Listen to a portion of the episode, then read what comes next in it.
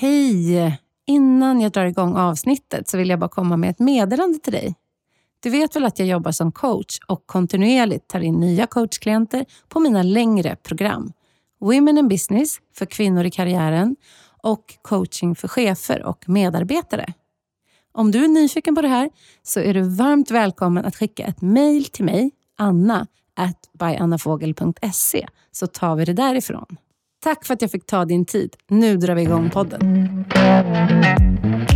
En kaffe med fågel är en koffeinladdad podd om kreativitet, mental hälsa och entreprenörskap. Jag som har den här podden heter Anna Fågel och jag jobbar som coach, föreläsare och artist. Så ladda din kaffekopp och välkommen till dagens avsnitt. Idag träffar jag Karina Sunding som är entreprenör, idéutvecklare och drömförverkligare. Hon är en av grundarna av For Good Business Network, For Good Book Club och Sunshine-podden. Nu är hon aktuell med boken Make It Happen och även metoden Make It Happen. Och jag och Carina har ett samtal som handlar om mod att utveckla dina idéer och välja att leva nära hjärtat. Men också om rädslor, kriser och ångest. Ja, det blir faktiskt både skratt och allvar. Men framför allt får du massor av konkreta verktyg för hur du kan ta steg mot dina drömmar. Så välkommen in i samtalet. Så också liksom en lite större grej av allting än vad vi tänker oss. Mm. Så är det. Jag blev lite distraherad jag av plinget. Jag fattar, ingen fara. Det är verkligheten som gör sig påminn. Exakt. Gud alltså, jag får skämmas alltså. Välkommen hit Karina. Tusen tack Anna. Vad härligt att jag får vara här och ta en kaffe med jag dig. Jag tycker det är helt eh, fantastiskt. Vi känner ju varandra lite grann. Och innan du kom hit så satt jag och funderade på så här, ja, men hur var det då? Jo, men jag var med i ditt och Marie Torslunds affärsnätverk For Good. Precis. Och då drev jag ett produktionsbolag som heter Mameluck. Och jag känner att så mycket har hänt sedan dess. För jag har inte kvar det bolaget. Jättemycket har förändrats i ditt liv. Och det som var gemensamt för oss båda då var att vi höll på med stora live-event. Mm. Båda två på olika sätt. Ja. Och så bara en helt spontan fråga. Hur ser du tillbaks på den tiden? Alltså på hela for good och event-tiden tänker ja. du? Nej men jag tänker att jag har jag älskar ju events. Yeah. Och det var ju lite upprinnelsen till hela For Good, att skapa de här mötena. Och jag tror att ett av mina så här, huvudvärdeord eh, fortfarande är att förena och tillsammans. Och det har jag liksom tagit med mig in i nästa steg. Så jag ser på det som att det var fantastiskt att få all inspiration och lära sig allting och dels få möta alla kvinnor i nätverket som har varit med på allt vi har gjort, mm. precis som du. Och också möta alla de här fantastiska inspiratörerna och coacherna och föreläsarna. Alltså det är ju som en enda stor utbildning. Men jag ska också säga att jag kommer ihåg mycket släp med roll-ups ja. och eh, mycket packande. Alltså första eventsen vi gjorde, då packade vi alla goodiebags själva och alltså mycket slit. Men jag tror inte det kändes riktigt så då, för då var allt så kul och nytt och sådär. Men liksom mot slutet när man känner att det är dags för något nytt, då börjar man uppleva de där sakerna som kanske är nyhetens behag i början. De kan vara lite jobbiga då. Så att eventlivet är väl både alldeles underbart och ganska slitigt. Mm. Plus en på den då. Ja, jag, jag hör precis. Och just det där att jag tror inte om man inte har jobbat med live att man kan förstå hur mycket jobb som faktiskt ligger bakom. Nej, och det är ju också det, det är ju något härligt i events oavsett ja. om de är fysiska eller digitala. Mm i den här planeringen hur man vill att det ska vara i alla, alla, alla små detaljer. Mm. Det älskar jag. Mm. Ja, men jag med. Och sen få se det spelas ut. Sen kanske något går fel så får man lösa det Och det är också härligt. Exakt, det är alltid Och- något som går ja, lite det, Och knas. det, det ska man ju veta att det är alltid någonting som Ja, ja. skiter sig. Ja, Det, är, det är ingen idé att hetsa upp sig Nej, nej. utan det är bara att gå på lösning. Exakt. Ja, men precis. Men det var fantastiskt. Jag tycker det ni skapade var också så unikt och så, ja, det var så mycket energi i era kvällar och dagar och föreläsningar och hela nätverket. Vad kul att höra. Ja, men du har gjort så mycket. Du har jobbat på mediebyrå, du har drivit For Good, ni har Sunshine-podden. En fantastisk bokklubb med internationella författare som har kommit dit. Och du har ju faktiskt skrivit två böcker. Mm. Eh, Stora peppboken med Marie Torslund och nu Make it happen, Ja. ja, som du är aktuell med nu. Och den kommer vi prata en del om idag. Men vad är bakgrunden? Hur kom det sig att det blev just en egen bok? Jag längtade under en tid, du vet när man är så här i förändring och man känner första gången tanken kommer så här, oj, jag kanske skulle göra något annat. Och så trycker man bort den och tänker att äh, nej, det här är ju så bra, jag är jättenöjd här. Men det var en sån tanke, trots att jag hade det så bra och hade en fantastisk kollega i Marie, vilket jag fortfarande har som vi driver For Good till viss del fortfarande. Men det kom en tanke hos mig, en längtan om att dels jobba med människor och framförallt kvinnor jobbar jag ju med på ett djupare plan och få testa mina egna vingar. För att ända sedan jag startade For Good så har jag ju varit i en duo. Först med Katrin, storycoachen, och sen med Marie. Och det fanns ändå något, så här, något outforskat som jag faktiskt inte alls visste vad det var. Och jag gick och tänkte på det här länge, länge, länge. Alltså faktiskt under fyra år. Och inte att jag sant? liksom, jag vantrivdes inte där jag var.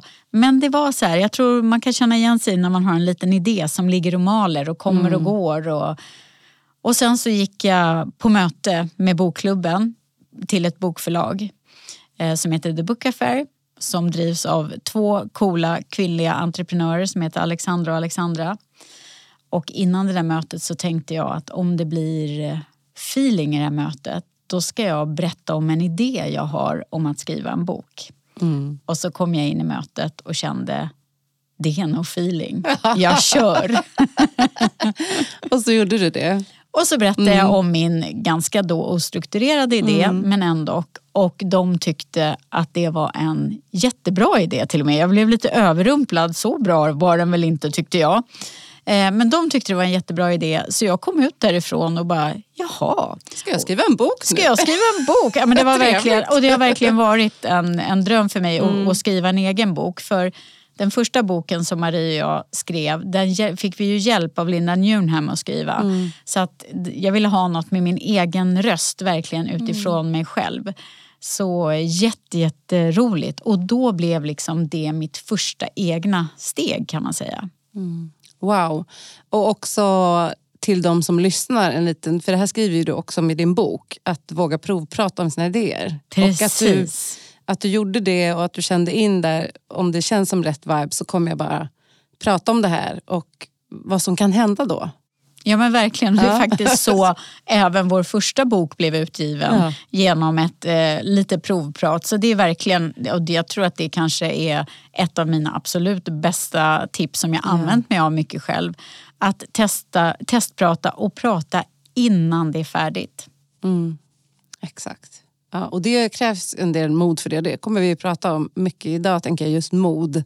För det är något som många vill ha mer av och eh, vill lära sig att bli modigare. Och jag tror många ser dig som en modig person. Vilket inte betyder att man inte är rädd. Precis, Nej. för jag är ju verkligen en rädd person. Ja. Men som kan bli så provocerad av att den här rädslan ska hålla mig tillbaka.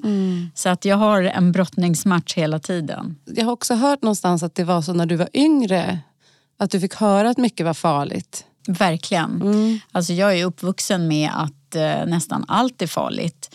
Eh, med en mamma som eh, är väldigt häftig eh, och lite så här Pippi Långstrumps-aktig. Hon kan alltid liksom mecka och hon är 77 år idag och har en egen segelbåt som hon meckar med. Så hon är helt fantastisk. så. Men hon har också varit väldigt mycket rädd för saker. Mm. Så hon kunde så lägga örat till mitt bröst och lyssna på mitt hjärta och säga så här, men gud, slår inte ditt hjärta lite i otakt? Alltså det, det var mycket så här orosmoment. Mm. Plus att jag tror att jag är en, en känslig, både känslig och kreativ person från början. Mm. Så jag reagerar mycket.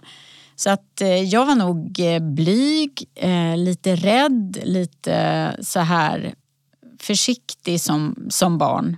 Mm. Och det är inte alla som håller med om det. Men på insidan Det behöver inte vara samma så. som Nej. hur man uttrycker sig utåt, hur man känner Nej. sig på insidan. Så att jag, jag har med mig mycket Mm. rädsla från när jag var liten. Och i mångt och mycket är jag fortfarande den där lilla rädda tjejen.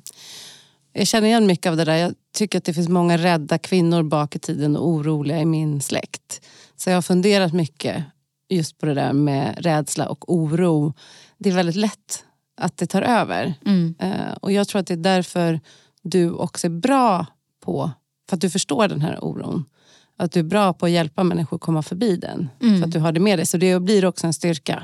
Absolut, Mm. och jag har ju verkligen valt att dela med mig av alla Yes. mina Ja, både, det kan både vara en svaghet och en styrka. Men då mina olika rädslor och min panikångest och allting. För jag tänker att det kan hjälpa andra.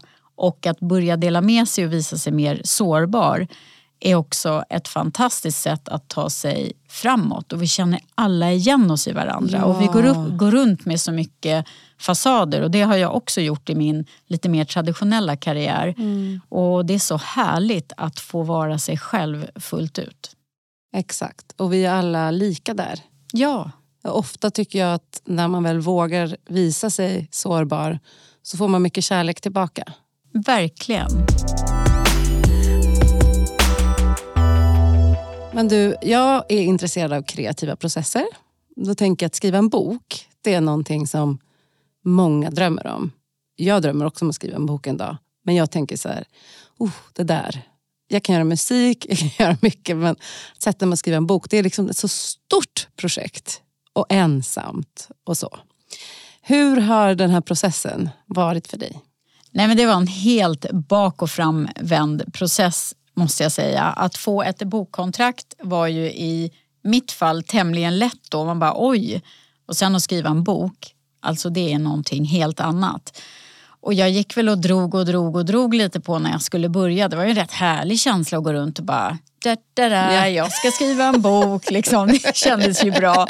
I'm on top of the world. Ja men lite så var det ju i Ja. början och det, var ju, det ska man ju verkligen, Ja. det var ju härligt att vara i den Ja. känslan. Men sen så, så skulle jag börja och eh, då kommer jag ihåg det var strax efter nyår, jag var nere på Mallorca och kände så här okej now is the time, nu sätter jag liksom händerna till tangenterna. Och Får jag- kände Får bara, jag bara fråga en Ja. sak? Jag ska inte avbryta. Men innan där du kom till Mallorca, såg du dig själv framför dig? Som Ja. den här bilden av, här sitter jag på Mallorca och Ja, skriver ja, ja. och sen tar ett litet glas vin eller en liten kaffe. ja, men kreativiteten flödar Ja, ju. kreativiteten flödar och det ska gå så lätt. Nej, men så skulle jag börja, jag tror det var andra januari. Och så skulle jag börja och jag bara kände att det var tomt. Och då hade jag innan ska jag säga skickat typ ett synopsis och någon slags idé till förlaget. Men nu ska jag liksom verkligen börja skriva. Och det kändes bara som att jag eh, gick in i prestation och, och liksom skulle göra någon kopia på det jag har gjort innan. Och, nej, det var, det var inte roligt.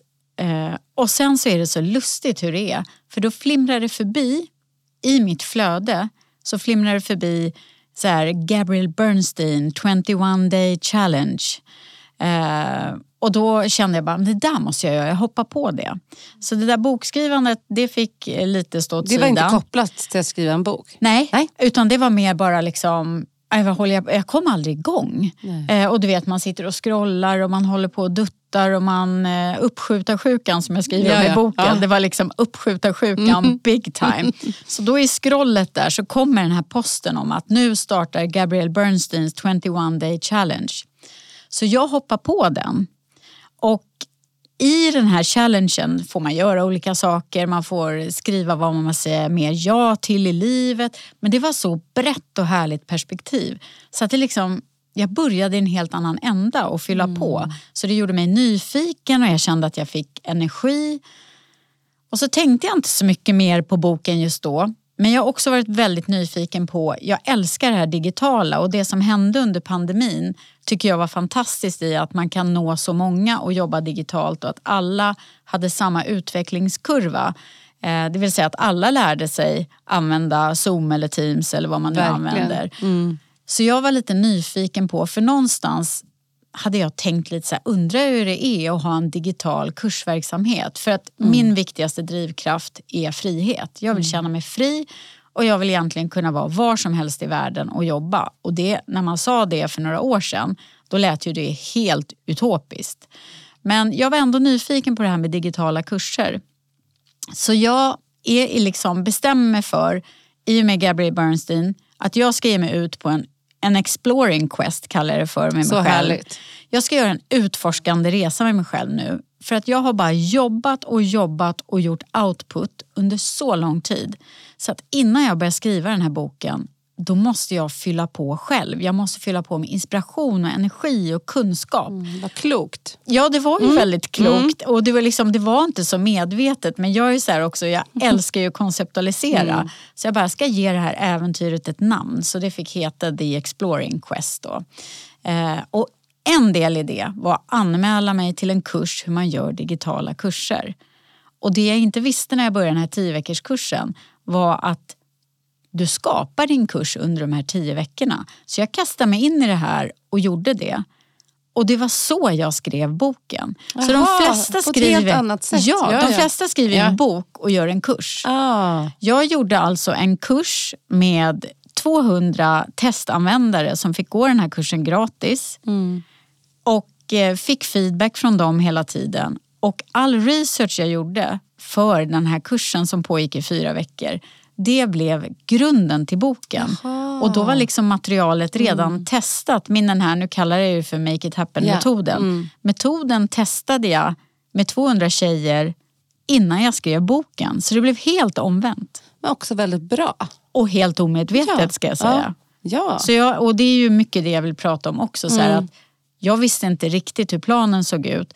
Men ett steg följer ett annat. Så jag visste ju inte när jag signade in mig på den här kursen att det här skulle bli min framtida verksamhet. Det skulle bli mitt sätt att skriva boken. Utan jag gick på min lust och min nyfikenhet. Mm.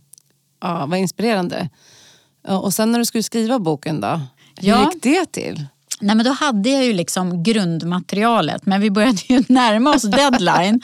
Eh, så att nu var det ju liksom läge att Eh, sätta ihop det här, skriva mer, göra mer research. Och då var det ju, jag skulle lämna boken i slutet av sommaren. Och nu var det liksom i början av sommaren och inte så jäkla mycket tid kvar. Eh, så då läste jag om, alltså jag läste en artikel om varför Jerry Seinfeld är så bra på det han gör. Det hade varit en ung aspirerande komiker som kom in backstage till honom och frågade liksom, men hur kommer det sig att du kan skriva de bästa skämten i hela världen om och om, och om igen. Och då berättade han om sin obrutna kedja som han jobbade med. Det vill säga att han, han skriver nya skämt varje dag. Mm. Och då sätter han ett kryss i sin kalender. Och ju längre man får den här, de här kryssen att finnas där desto mer motiverad blir man. Man vill inte bryta. Så jag bestämde mig för att jag ska skriva min bok i en obruten kedja över sommaren. Det blev 48 dagar i rad. Jag berättade för alla runt omkring mig för på sommaren det händer ju så mycket härligt och kul. Ja men det är ja. imponerande alltså. För det är inte helt lätt. Alltså, jag älskar det där att bara köra på oavsett om inspirationen finns eller inte. Ja, och det, det var en viktig ja. grej att liksom bara sätta dig där och göra det. Och jag mm. hade också, så jag hade Seinfeld-metoden, sen hade jag Pomodoro-metoden vid sidan av. Och jag bestämde mig för att jag minst måste göra tre Pomodoros om dagen. Det är alltså tre 25 minuters sjok. Ja. Eh, men gärna mera. Så så länge jag gjorde någonting varje dag och tre pomodoros. Och det, jag kan sitta och stirra in i datorn under en pomodoro om det är så. Mm. Men det blev ju inte så. Utan då är det 25 minuters fokuserat mm. jobb. Jag tar tid med timer, vänder den upp och ner och bara fokuserar på en grej. Antingen göra research eller skriva. Och det här sättet att jobba så här, det fick mig att hamna i sånt otroligt flow. Och sen, alltså ibland var det ju lättare, ibland var det svårare. Men alla visste att Karina, hela min familj, mina barn, allihopa, släkten. Karina ska skriva varje dag. Så jag fick lite support av dem. Det var gulligt. Så här, du kan gå och sätta dig där borta och skriva. Men så visste de också att när jag var klar med de här pomodorosarna, då var jag också klar. Men sen mot slutet då var det ju ett galet race. Då satt jag ju i stugan på Åland som vi hyr där allt är, livet är basic och skrev, skrev, skrev med min man vid min sida och jag fick lova honom att... Är han också en kreativ person? Eh, ja, men alltså, han är entreprenöriell ja. och jobbar med sälj och, och, sådär. Men jag fick också lova honom att nästa sommar skulle jag inte skriva någon bok. Nej. Men det var ändå fint. Då, då stöttade din familj dig att du skulle ja. göra det den här sommaren. Jag tycker det där är otroligt intressant. Min man gjorde nu en sån där att han ska spela gitarr i hundra dagar. Alltså han är väldigt duktig på gitarr. Och sen testade att uh, han ville bli bättre teknisk. Och då hade, satt han precis och bockade av så varje dag. Mm. Och det är en, en, en bra metod. Alltså, för jag tror de flesta hellre väntar på inspiration. Och uh, det är inte alltid så man får någonting gjort. Nej, och där jag tror liksom många sitter och tänker och tänker och planerar. Mm. Eh, men det handlar ju om att, att, göra och sätta sig ner och bara försöka. Mm. Eh, och jag tycker Vivica Sten sa så himla bra grej som hjälpte mig när jag skulle skriva boken. För hon var gäst i vår bokklubb. Eh, och då sa hon, en sida fylld av dålig text är något att jobba med. En tom sida är bara en tom sida. Mm. Och det tog bort lite prestation från mig. Så att Alltså jag bara körde på mm. och skrev och det här pomodoro-metoden fick mig att hamna i flow. Och ibland så, det är ju en del egna historier i boken som jag delar med mig av. Och jag kunde liksom bli så jäkla berörd av mina egna ja. stories när jag skrev. Och så satt jag liksom och läste dem för min man sen och så storgrät jag under tiden. Mm. För det, det var lite healing också. Ja, det var så mycket känslor. Ja, ja. Ja, men wow. Nej, men jag tycker det är otroligt intressant med kreativa processer. Och får jag fråga då, slutförandet, för det är ju en del som många tycker är svårt. Mm. Att så här, ja, hur vet jag när det är klart? Mm. Hur vet jag när det är bra nog att ges ut? Jag antar att du hade någon person, en redaktör eller så, men hur vet du i dig? Ja, men jag känner, man, känner, nej, man känner inte att det är klart, eh, måste jag säga. Nej. Utan Eh, man jobbar, jag jobbade järnet ja. till deadline och så skickar jag iväg den. Och jag menar, jag kan ju läsa den nu och jag tänker ja, det där ska jag göra annorlunda i nästa bok. Och, alltså, man blir inte klar utan mm. man kommer till en punkt där man måste vara nöjd. Mm. Och sen så känner jag också, jag hade en av Sveriges bästa redaktörer, Ann Paulsson, helt fantastisk. Hon gjorde ett jättejobb och när hon sen sa att nu är det bra, då kände jag ja, men då litar jag på yeah. att det är bra. Mm. Men det där var svårt. Och när boken väl kom sen i sin kartong hem till mig och jag ska mm. öppna den första gången. Nej, men alltså, jag hade så mycket knasiga tankar då. Vad tänkte du då? då? Nej, men istället för att bara wow, som man tror. Här kommer boken. Ja, men, wow. så här, bilden man Håller tror den bara, wow, hand. den är här, wow, ja. det känns så bra. Jag bara, den luktar äckligt. Va? Det är något fel. Det ska ju lukta jättegott om Nej, nytryckta jag fick, böcker. Jag fick för mig att den luktade så äckligt. Eh, och jag fick för mig när min familj läste att det var något major fel i den. Men de visste hur viktigt det här var för mig så de vågade inte säga någonting. Så jag gick runt och var liksom helt paranoid liksom första helgen. Oh. Sen började jag lugna ner mig lite och, och, nu tycker jag inte att den luktar äckligt längre. Nej, jag tycker den luktar gott. Mitt exemplar luktar gott. Ja. Men det är ju intressant hur hjärnan, det är som att den till och med spökade med ditt luktsinne. Men just den här rädslan ja. att liksom nu, I put myself mm. out there. Jag har jobbat så hårt för det här, mm. men är det tillräckligt bra? Exakt. Duger det? Ja. Alltså väldigt mycket sådana ja. eh, tvivel och jag mm. tror att det är viktigt att vi får ha de tvivlen också. Men när de drabbar en så är det ju jobbigt för jag tycker alltså man kan ju inte tänka klart. Nej, det är jättetufft. Ja. Men jag tror att det är precis, eh, jag tror att det är väldigt viktigt med kreativitet. Alltså man måste inte göra det för andra. Det är helt okej att gör, skriva för sig själv. Men jag tror att man lär sig väldigt mycket av att ge ut saker mm. eller att dela med sig. För då kommer du också på nästa platå. Alltså mm. då har du, nu har du gett ut den här boken. Då har du då är du, från, du börjar på en annan startpunkt nästa gång. Verkligen, och jag måste säga det här mm. att skriva för sig själv och skriva för andra. Alltså i mitt fall, jag har verkligen skrivit för andra. Jag, har liksom, jag har sett dem jag skriver för Mm. framför mig. Det känns nästan, och det har jag fått feedback på också som är kul, att det känns nästan som att jag pratar till dem. Och jag har liksom känt hur jag Det gör det verkligen. Ja, Mm. och det, det, kändes, det hjälpte mig för det kändes så himla härligt. Och då har jag ju hela For Good och allt att tacka för att jag har varit så nära den här kvinnliga målgruppen så länge. Och jag skriver ju till någon som mig själv också. Ja, Mm. exakt. Så är det. Du hjälper både dig själv och andra. Mm. Ja, vad härligt. Det är en jättebra bok och väldigt mycket som manar till handling. Vilket jag tycker om. Och så ser jag dig också. Jag ser dig som en doer som är handlingskraftig och som gör. Det är det jag tycker den här boken hjälper till med väldigt mycket.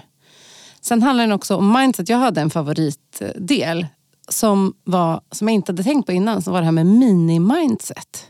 Kan du inte berätta lite mer om dem? Ja, men mini-mindset, alltså mindset är ju egentligen generellt hur du tänker och ser på dig själv. Eh, Och det påverkar ju väldigt mycket, och hur du ser på världen också. Och det påverkar ju väldigt mycket hur ditt liv blir. Men mini-mindsets är, det hittade jag på för jag tänkte så här, ibland behöver man någon liten sägning för att säga till sig själv i olika situationer. Eh, och det kan vara eh, KBK, kör bara kör. Liksom. Ja, men det är liksom som lite pepp till en själv ungefär. Vilket var din favorit? Hade du någon? Eh, wabi sabi, heter det så? Ja.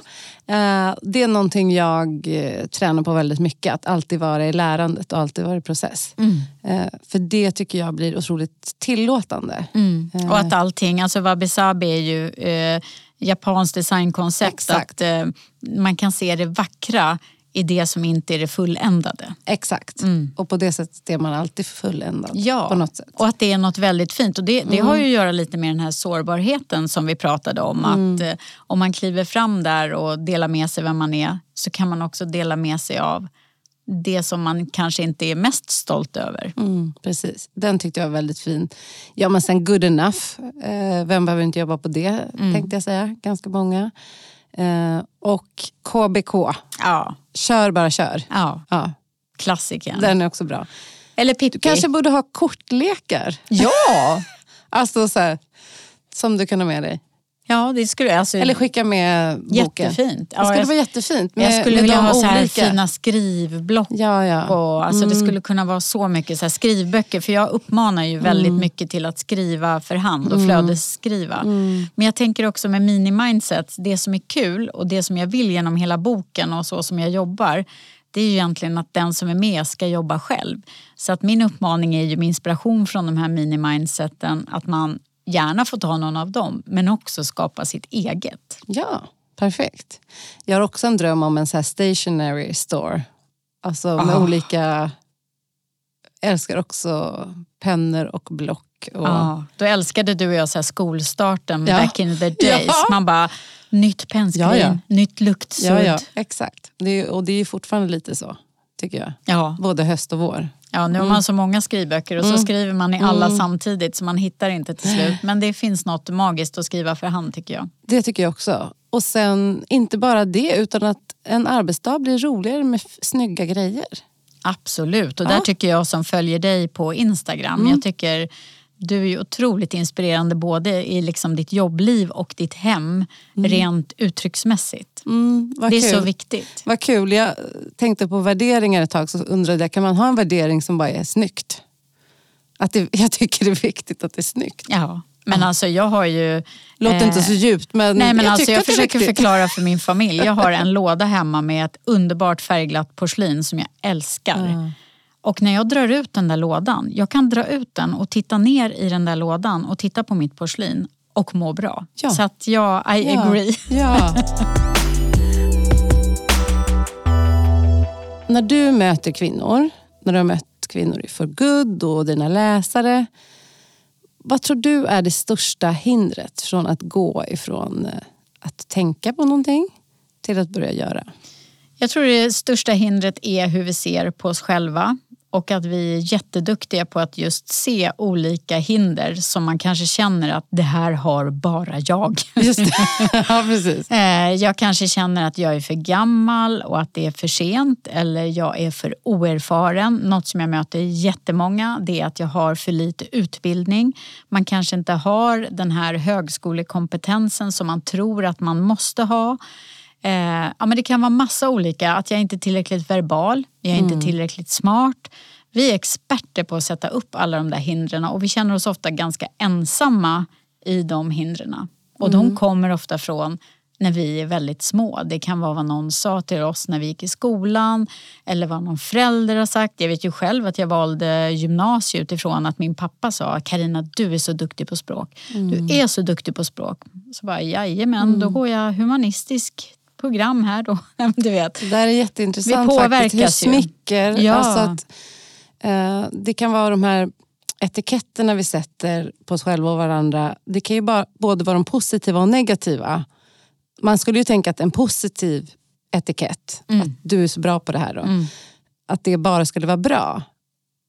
Men det är inte heller alltid bra. Nej, men jag tror att vi gillar ju att facka in folk ja, lite exakt. så. Mm. Eh, men jag tror att det är viktigt att fundera över när det gäller hinder, att titta på vad man har med sig för hinder. Titta på var de kommer ifrån. Jag har en hel metod i boken för hur man kan sticka hål på den här mm. ballongen och börja vända på det här och se att det här kanske inte är sant längre. Mm. Det stämmer ju inte. Mm. Och i väldigt många fall i mina digitala kurser och så här, när vi jobbar med det här det blir liksom en aha-upplevelse som släpper mm. en lite fri. Mm, det upplever jag också. Just när man förstår att det här du kanske har trott ett helt liv. Mm. Eh, bara att ställa frågan, men är det här verkligen sant? Mm. Stämmer det? Nej men verkligen. Och sen den andra grejen. Mm. Jag har tjejer som går mina kurser. Alltså de gör allt material. De skriver travar i sina skrivböcker och de planerar och de tänker. Men att göra de där mm. grejerna, de kommer inte riktigt dit. Mm. Så att det bästa vi kan göra, förutom att jobba med våra hinder, det är också att börja göra i små steg, mm. även om vi inte vet vad vi ska. För mm. det är inte så många av oss som har den här, det kan ju verka i efterhand som att min plan var spikrak och superklar. Nej men det var den ju inte. Och när vi startade For Good för 18 år sedan, alltså vi hade inte ens någon affärsmodell, vi hade ingen affärsidé. Vi hade en längtan efter ett fritt arbetsliv och mm. har testat oss fram. Mm. Så det är lite det jag vill inspirera mm. andra till. Att i små, små ministeg börja testa sig fram för att se vad man får vittring eller vad man, vad man känner att det nappar någonstans. Jättebra. Jag tycker du fokuserar mycket på de här baby steps. Och det är just bra, för där kan man ju också, precis som med när du förklarar om Seinfeld-metoden och Pomodoro och boken, att när du börjar så kan ju det sätta igång inspiration istället för att vi ska sitta och vänta och vänta på att ta rätt beslut. Eh, för att jag tror att många är väldigt rädda för att ta fel beslut. Absolut. Det upplever jag. och så vill man liksom tänka sig till rätt beslut. Eller så vill man att någon annan ska fatta det åt ja, en. Exakt. Att man typ eh, vill att någon Och det ska skulle se... jag önska. Eller hur? Bara säg vad jag ska göra ja. med mitt liv. Man typ går till en coach som du ja. så bara Säg då vad jag ska göra. Vad ska jag bli när jag blir stor? Ja, Berätta. precis. Nej, men, och därför mm. är det också när Alltså jag, många också som, där det händer livsomvälvande händelser, man kanske blir av med jobbet eller någonting annat stort händer som förändrar mycket. Just när det händer kanske det är helt fruktansvärt. Men inte ovanligt är det ju att när man tittar tillbaka så var ju liksom det det bästa som kunde hända. För att det fick en ut på den här nya arenan. Ja, exakt. Och, och när jag skulle hoppa av min lite mer traditionella karriär då när jag var på mediebyrån mm. och, och längtade efter mitt fria jobbliv där för nästan 20 år sedan. Då ville ju jag ha hjälp att fatta mitt beslut så då gick jag och käkade lunch med en killkompis. Och han sa ju eh, kanske ett klyschigt citat men som ändå fastnade hos mig. För han sa jump and the net will appear. Ja men det var fint. Ja, mm. och det har jag tagit med mig. Mm. Och jag gjorde det. Och jag liksom, det handlar om tillit. Det handlar jättemycket mm. om tillit och det kan jag också säga så här, första åren vi jobbade med For Good, alltså det var väldigt tufft ekonomiskt och har varit stundtals också. Och då handlar det också om att ja, men lita på sin inre känsla och ha tillit att det kommer att lösa sig. Mm. Jag behöver inte veta allting eller veta att jag har lön i ett år framåt eller ens några månader var det då. Eh, men att man fortsätter. Så att träna på sin tillit är superviktigt. Mm. Otroligt viktigt.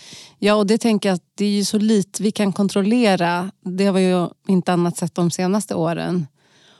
Så att allt det här vi försöker förutse, jag tänker det var väl ingen, ingen av mina katastroftankar innehöll en pandemi. Nej.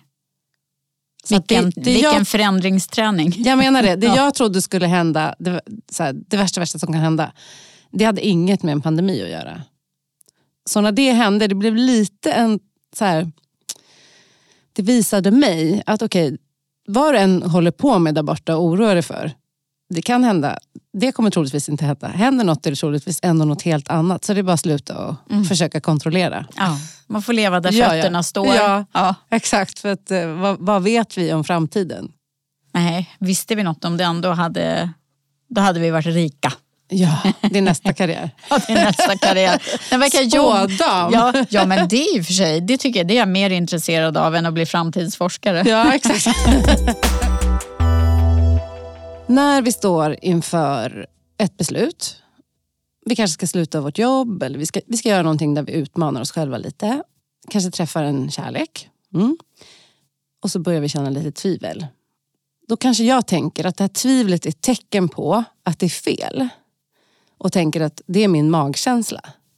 Det kan ju också vara så att tvivlet bara är ett tecken på att jag håller på att utmana mig själv och gå ut i det okända. Mm. Hur kan man känna skillnad på de här två typerna av tvivel? Kan du det?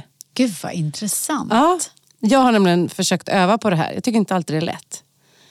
Men för, du förstår vad jag menar va? Jag förstår precis hur du menar. För att eh, senaste tiden har jag gjort massor med väldigt utmanande saker.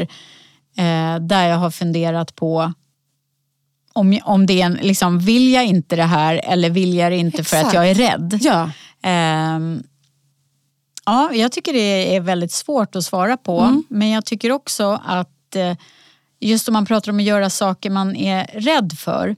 Alltså det utvecklar en otroligt mycket. Och att ta det där steget och fortsätta kan också ge lärdomar. För jag har under en tid fått en del förfrågningar så här, om att föreläsa.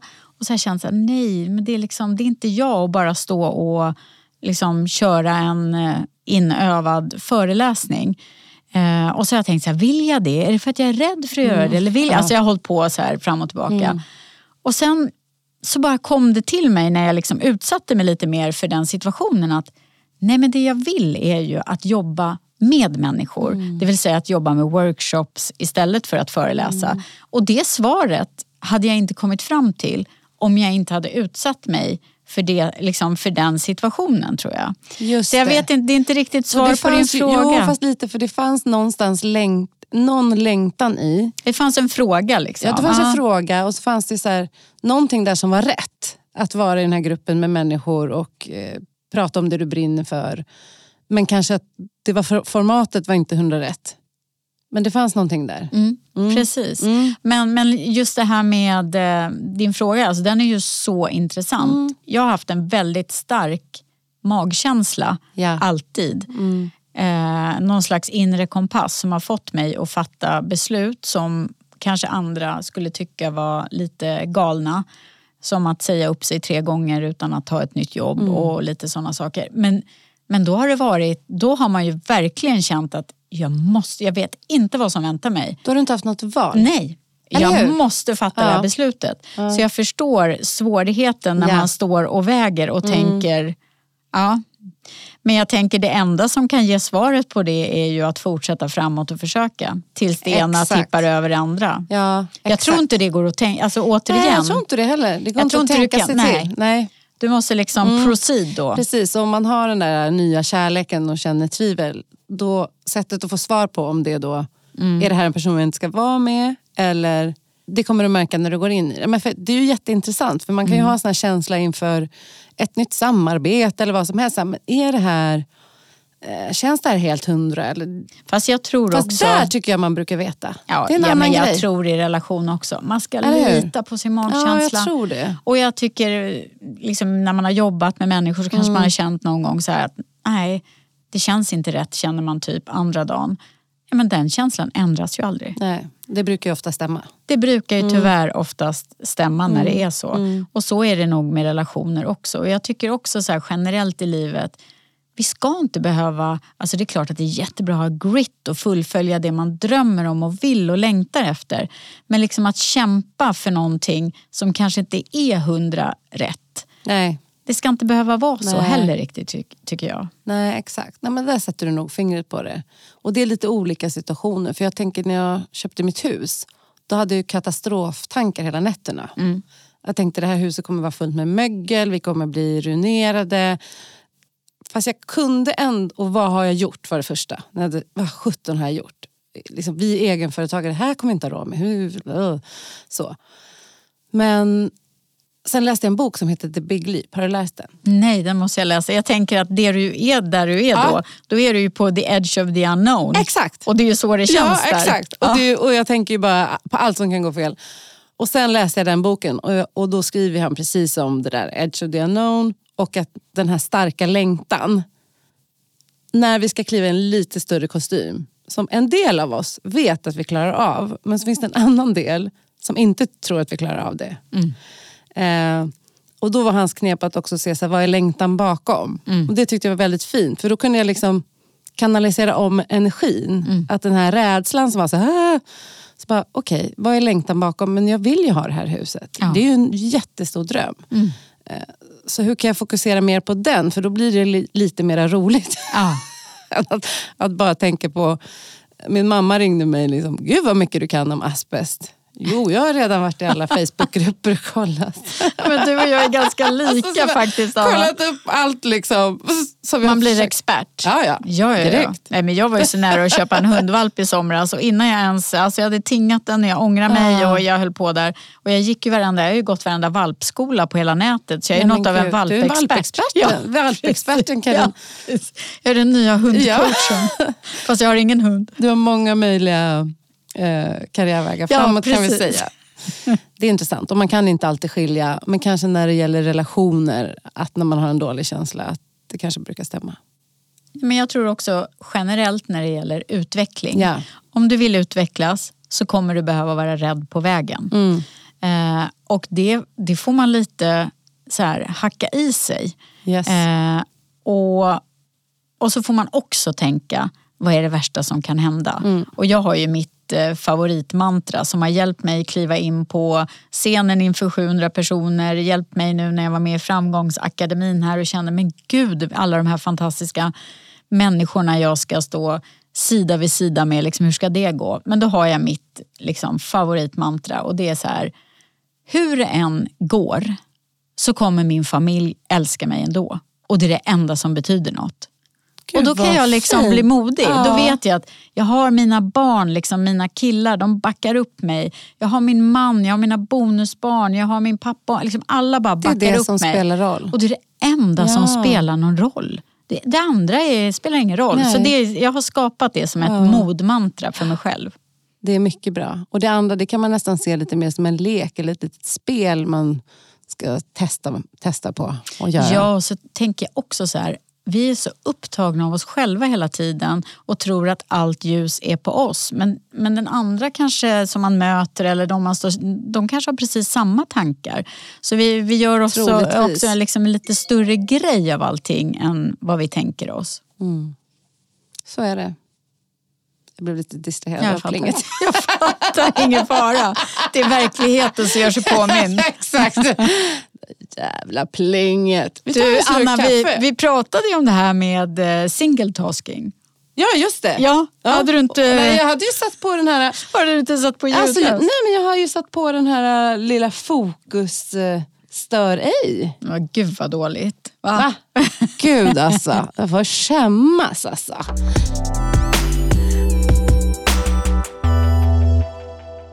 Jag ser dig som en doer med mycket framåtkraft och det är också det mycket boken handlar om. Det känner jag igen mig i.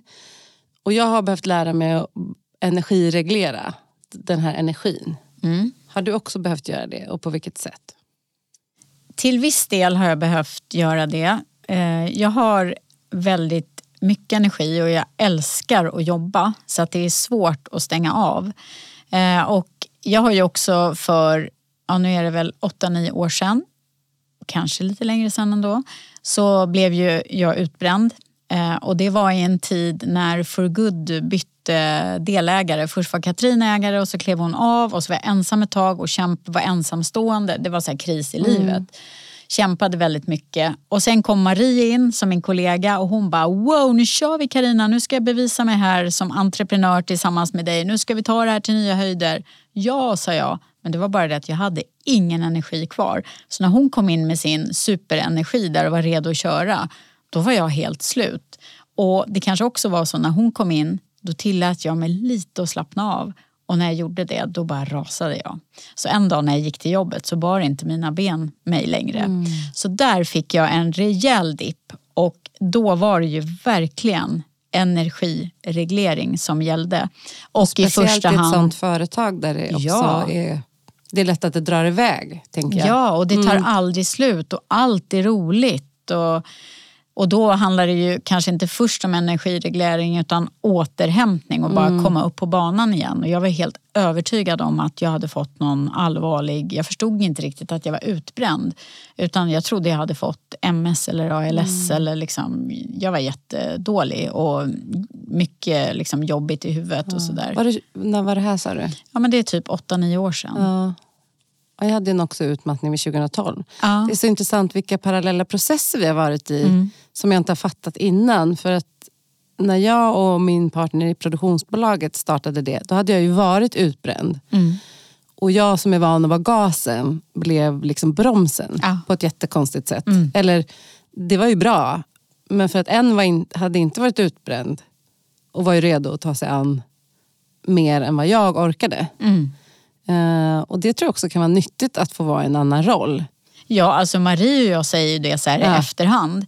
Det var ju det bästa som kunde hända förutom att det var jobbigt för mig och för henne. Yeah. För hon var ju ganska ny i vår business och fick kliva in, ta alla scenuppdrag, allting. Mm. Eh, så att det var ju det mest effektiva sättet för henne att axla eh, det här nya delägarskapet i bolaget och verkligen liksom bli så att vi blev sida vid sida. Så i efterhand så var det bra för mig för att jag fick också lära mig att energireglera och det var det yeah. jag skulle komma mm. till för att eh, sen dess har regelbunden träning eh, varit mitt motgift. Mm.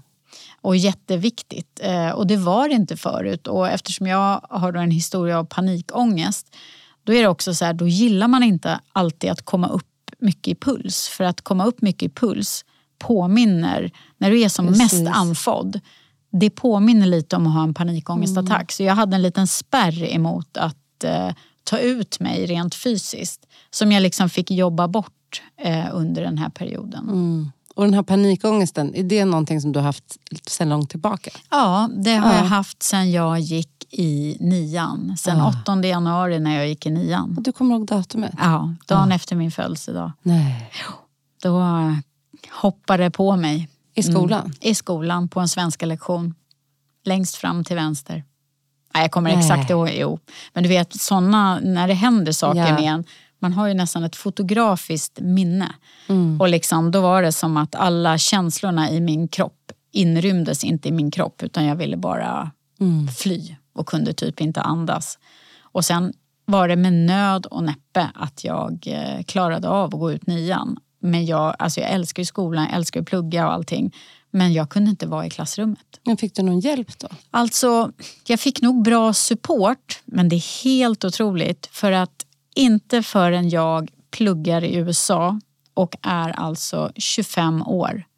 Då får jag reda på att jag har panikångest. Nej. Jo.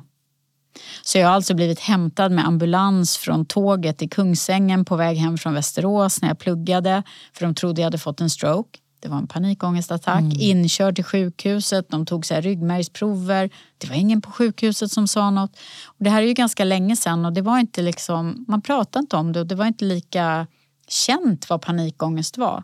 När jag satt hos eh, den här eh, psykologen i Texas och pratade och hon berättade för mig var hon tror att det är.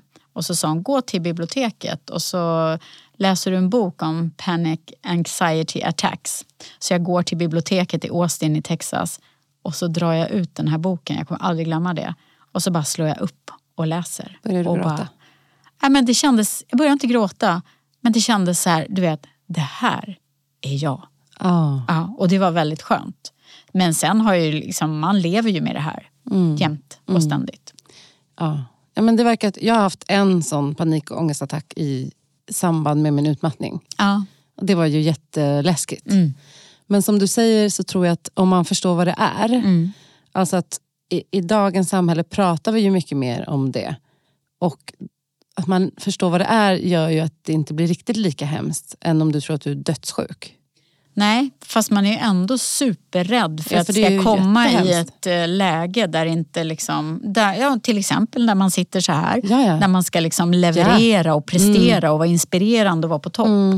Då får man Ständigt inte... den där rädslan. Ja, att men det ska alltså, komma. Mm. ja, och det kallas ju för förväntansångest. Och liksom, det är väl nästan mer det jag kanske har idag än själva panikångesten. Det är rädslan för att jag ska få det. Just det. Eh, Men ja, det är it's an ongoing process. Så Mm. att jag jobbar med det faktiskt hela tiden. Och det är också bevisat att fysisk träning också är som ett motgift mot det. Mm. Eh, Och att komma upp i puls. Så att det är ju bra för mycket. Verkligen. Det är bästa att- motivationen. Verkligen. Ja, men vad fint att du delar det också tänker jag. Eh, Med andra. För det är nog många som har panikångest. Ja, och sen är det också Och inte så här, pratar om det. Nej, men jag tror att jag får ofta höra precis som du börjar, bara, "Ja, men du är så modig. Och, och, och det är verkligen Du så. kan Jag- väl inte jag, vara rädd? Nej, och det är väldigt många som tänker att, som nästan inte tror, som nästan inte tror att det är sant. Utan det verkar gå så lätt, du är så modig. Eh, Men, eh, så därför känns det extra viktigt att dela med sig. Mm. Och det tror jag är otroligt viktigt om vi tittar på våra förebilder eller människor vi ser upp till. Att faktiskt se att det kanske inte är så lätt som det ser ut Nej, precis. för alla. det ligger ju ofta någonting bakom där. Ehm, jag tycker det är så trevligt, Karina.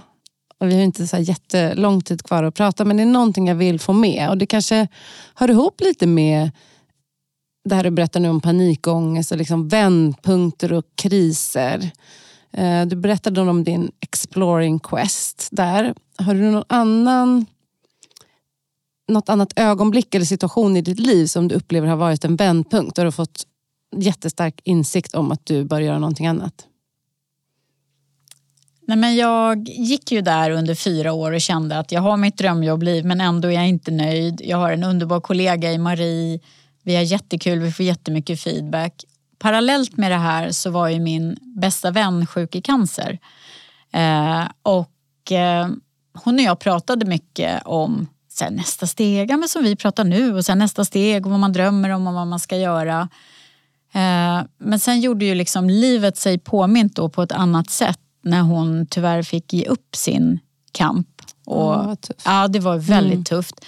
Och då blir ju så här, och det är fruktansvärt att det är de här händelserna som ska ställa livet på sin spets. Men när hon gick bort, då kände jag verkligen så att men jag, jag, liksom, jag måste påbörja min förändringsresa på något sätt. Eh, och då var vändpunkten när jag gick och pratade med en, eh, när hon hade gått bort precis och rasade lite allting, så gick jag och pratade med en psykolog och coach.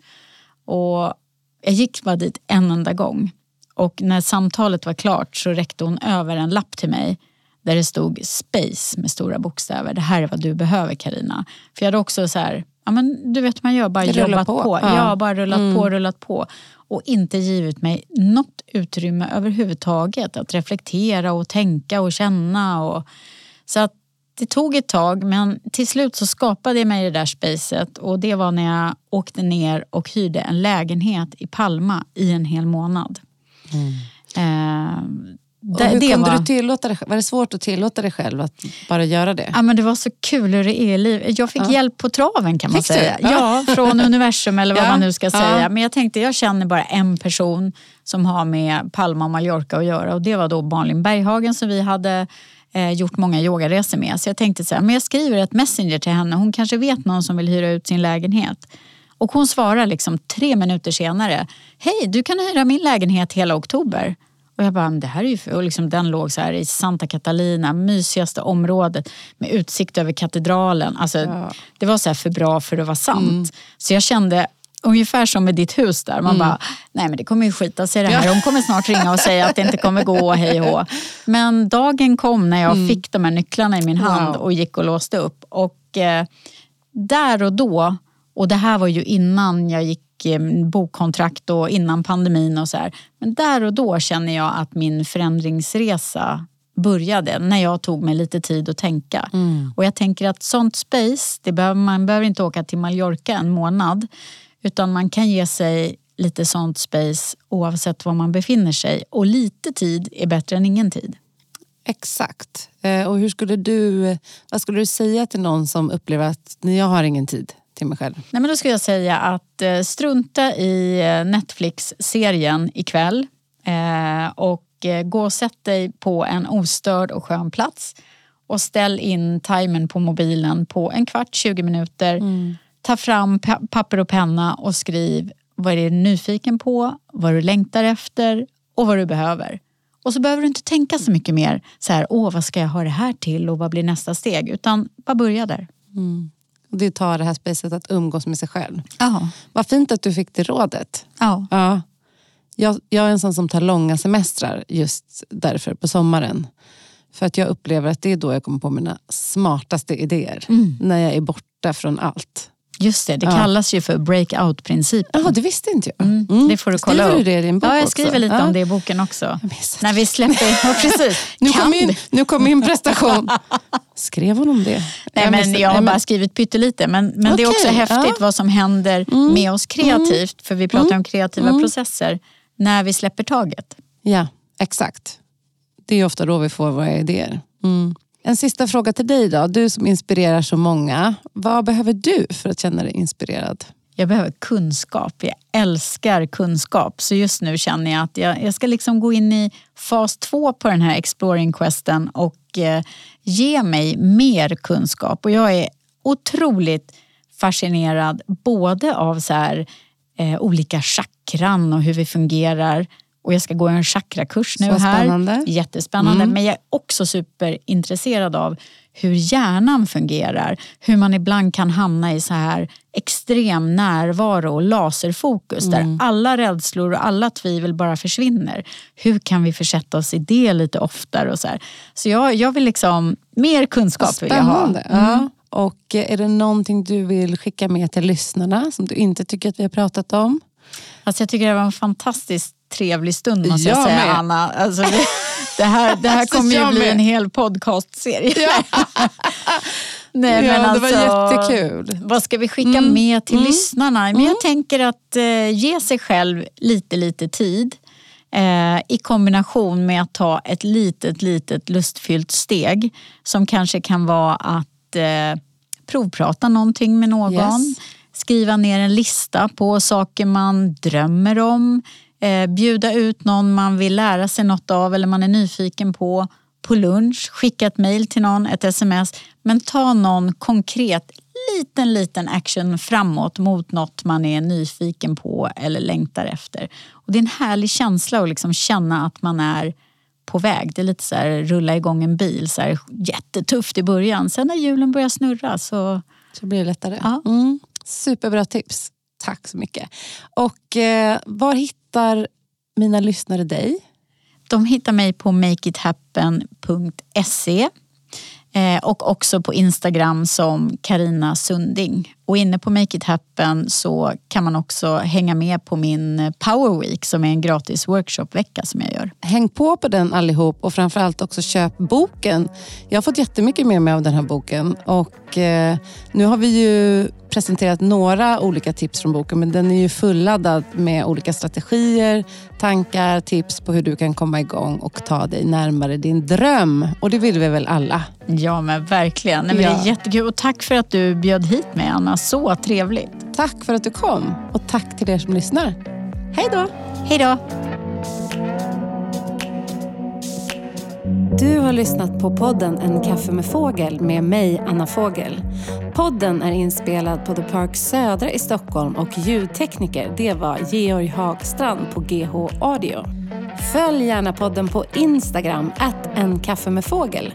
Vill du komma i kontakt med mig för coaching, kurser eller andra samarbeten?